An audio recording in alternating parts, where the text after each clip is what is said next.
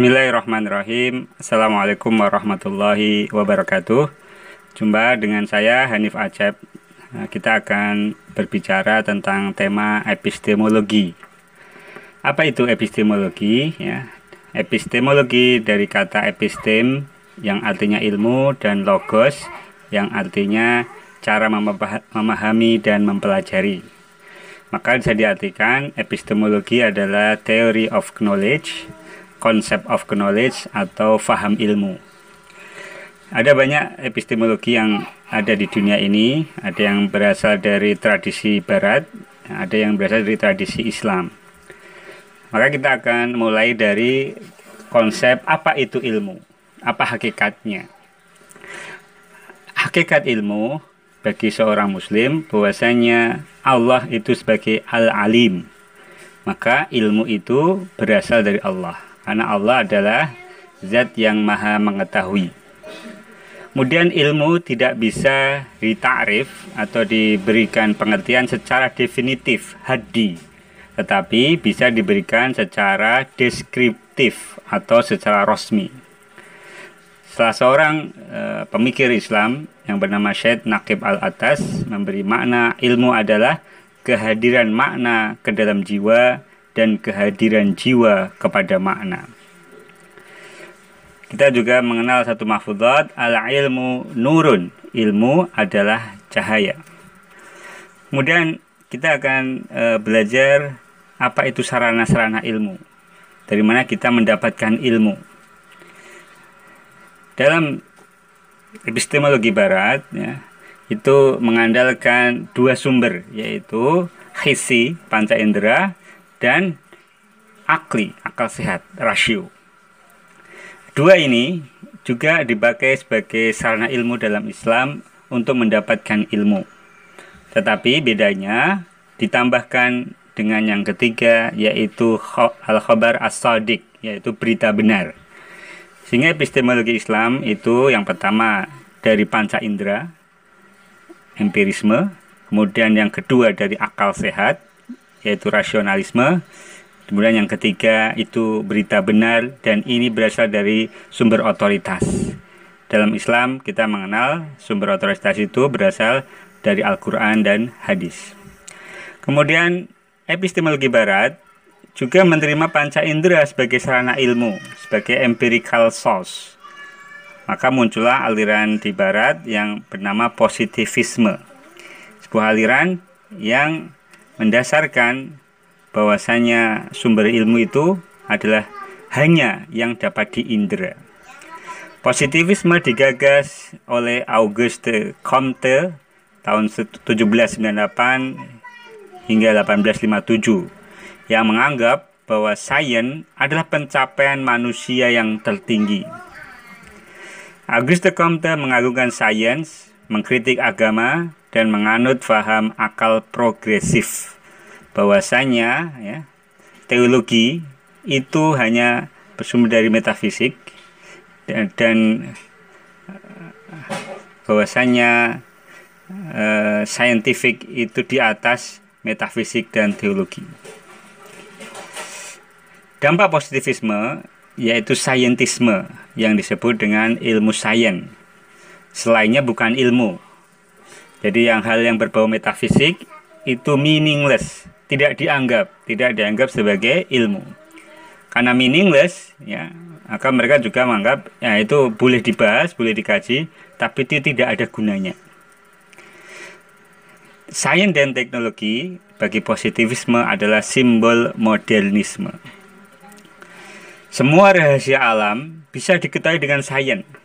Maka yang dibutuhkan adalah teknologi Ya, ini yang mengakibatkan orang dengan pola pikir Western uh, worldview uh, dengan epistemologi Barat itu akan mengagungkan sains dan teknologi.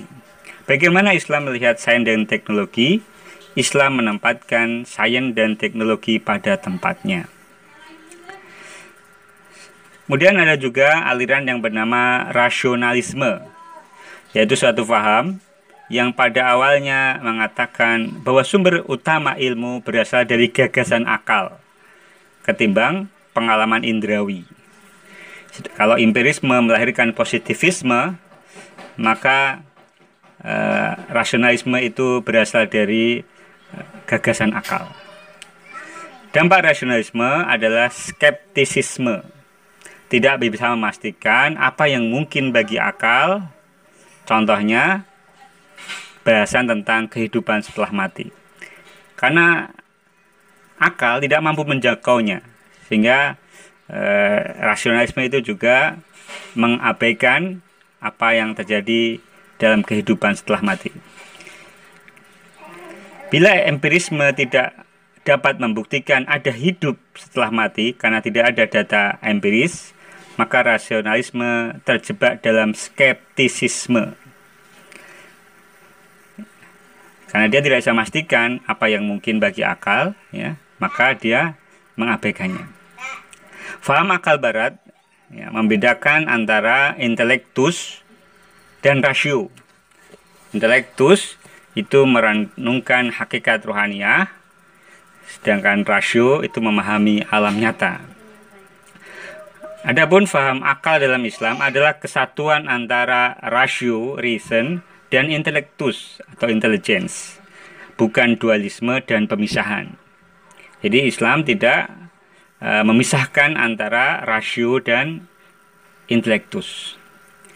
Fungsi rasio adalah memperoleh ilmu pengetahuan atau scientia. Fungsi intelektus memperoleh kebijaksanaan atau sapientia. Intelektus penghubung antara fisika dan metafisika. Intelektus lebih tinggi dari rasio karena renungan-renungan yang dilakukannya berlaku setelah mendapat bahan dari rasio. Islam menetapkan bahwa berita benar adalah sumber ilmu yang sah, di mana epistemologi Barat menolak berita benar sebagai sumber ilmu. Mereka hanya menerima uh, sesuatu yang empirik dan sesuatu yang rasional. Dua jenis berita benar, yaitu berita mutawatir dan berita rasul yang disokong oleh mukjizat atau wahyu. Berita mutawatir berasal dari data empirik lalu disampaikan satu generasi ke generasi yang akal kita menolak mereka berdusta. Maka tradisi sanat, tradisi periwayatan itu sangat kuat ada dalam epistemologi Islam. Berita mutawatir, berita ini disampaikan dari generasi sahabat, tabiin, tabiut tabiin hingga hari ini eh, riwayat sanat ini masih ada. Bahkan dalam periwayatan sanat Al-Quran, periwayatan sanat hadis, keduanya masih dijaga terus sampai hari ini. Adapun dalam contoh berita mutawatir, kita juga mengakui wujudnya tokoh-tokoh sejarah seperti Gajah Mada, Umar bin Khattab, Aristoteles ya. Itu tidak bisa dijangkau oleh empirik panca indera kita dan juga tidak bisa dijangkau oleh rasio kita. Sumber kita hanyalah datatan sejarah. Sumber indrawi tidak bisa menetapkan kewujudan tokoh-tokoh itu. Sumber dasar kita lagi-lagi tidak lain adalah sejarah. Adapun mukjizat adalah sesuatu yang melemahkan akal sehingga kebenaran seorang rasul utusan Allah itu tersingkap. Dia sesuatu yang extraordinary, luar biasa, impossible. Contohnya peristiwa Isra Mi'raj Bagaimana di zaman itu Nabi Muhammad bisa pergi dalam perjalanan satu malam dari Masjidil Haram ke Masjidil Aqsa, bahkan naik ke langit tujuh. Ini sesuatu yang tidak bisa diindra, tidak bisa dirasio. Satu-satunya sumber kita menerimanya adalah berita yang benar. Berita Rasulullah menjadi pemihak, penentu dalam hal yang dimungkinkan dan diragukan oleh akal. Sekuler Eh, peradaban barat tidak menerima wahyu sebagai sumber ilmu. Lalu apa yang menjadi pembeda epistemologi Islam itu adalah sofisme. Di mana sofisme adalah bagian dari epistemologi barat, filsafat ilmu sebelum filsafat klasik, Socrates, Plato, dan Aristoteles. Ada tiga aliran sofisme yang pertama adalah subjektivisme, yang kedua adalah agnositisme, yang agnostisisme dan yang terakhir adalah nihilisme. Apa itu subjektivisme? Yaitu golongan yang menyatakan bahwa ilmu dan kebenaran itu tergantung pada pendapat masing-masing, subjektif. Kebenaran di sini dan di sana berbeda, kebenaran di masa lalu dan kebenaran di masa ini itu berbeda. Tidak ada kebenaran bersama. Kebenaran itu relatif, tergantung waktu, tempat, situasi, siapa yang bicara. Sedangkan kelompok kedua, agnostisisme, menyatakan bahwa manusia tidak bisa sampai kepada pengetahuan. Tidak ada kebenaran epistemologis. Mereka biasanya menyatakan la adri. Mereka tidak tahu. Ya. Kalau yang subjektivisme bahasa Arabnya itu al India menurut pendapat masing-masing. Sedangkan ini mereka la adri, mereka abstain, tidak berpendapat.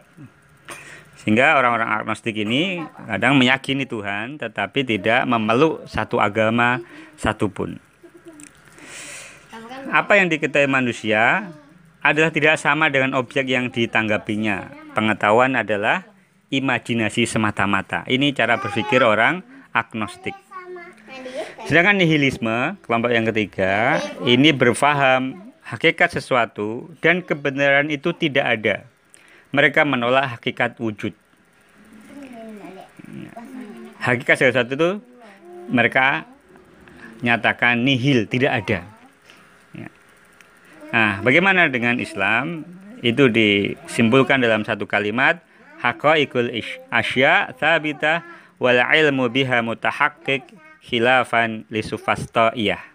Hakikat segala sesuatu itu sabita, tetap adanya, dan pengetahuan mengenainya juga benar adanya, dan berbeda dengan sofisme.